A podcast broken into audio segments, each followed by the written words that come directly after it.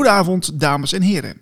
Veel onvrede bij de oppositiepartijen SP, FVD, PVV en zelfs bij GroenLinks en Partij van de Arbeid in de Tweede Kamer vanmiddag tijdens het laatste debat over de stikstofplannen van het kabinet.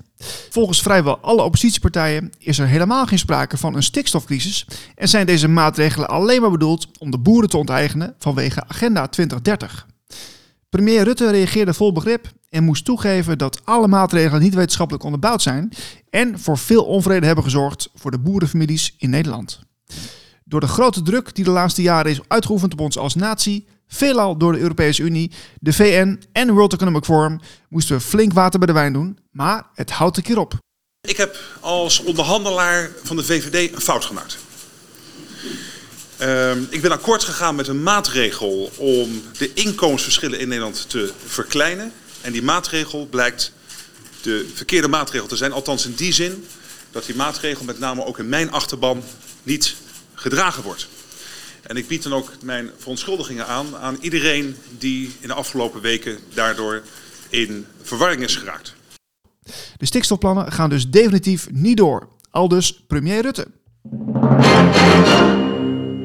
Het IPCC, de Klimaatcommissie van de VN, maakt zich in haar zesde rapport, dat in maart werd afgerond, schuldig aan een zeer selectieve weergave van de klimaatwetenschap. Dit stelt een nieuw tegenrapport, The Frozen Climate Views of the IPCC, van Stichting Clintel, dat komende week verschijnt. En aanstaande woensdag zal woordvoerder van Stichting Clintel, Marcel Krok, aanschuiven bij het populaire praatprogramma Op1, waarin hij een speciale uitzending zal doen, waarin hij een uur lang de tijd krijgt om de selectieve cijfers toe te lichten in een mini-lezing. De uitzending is live te zien op de NPO vanaf half negen.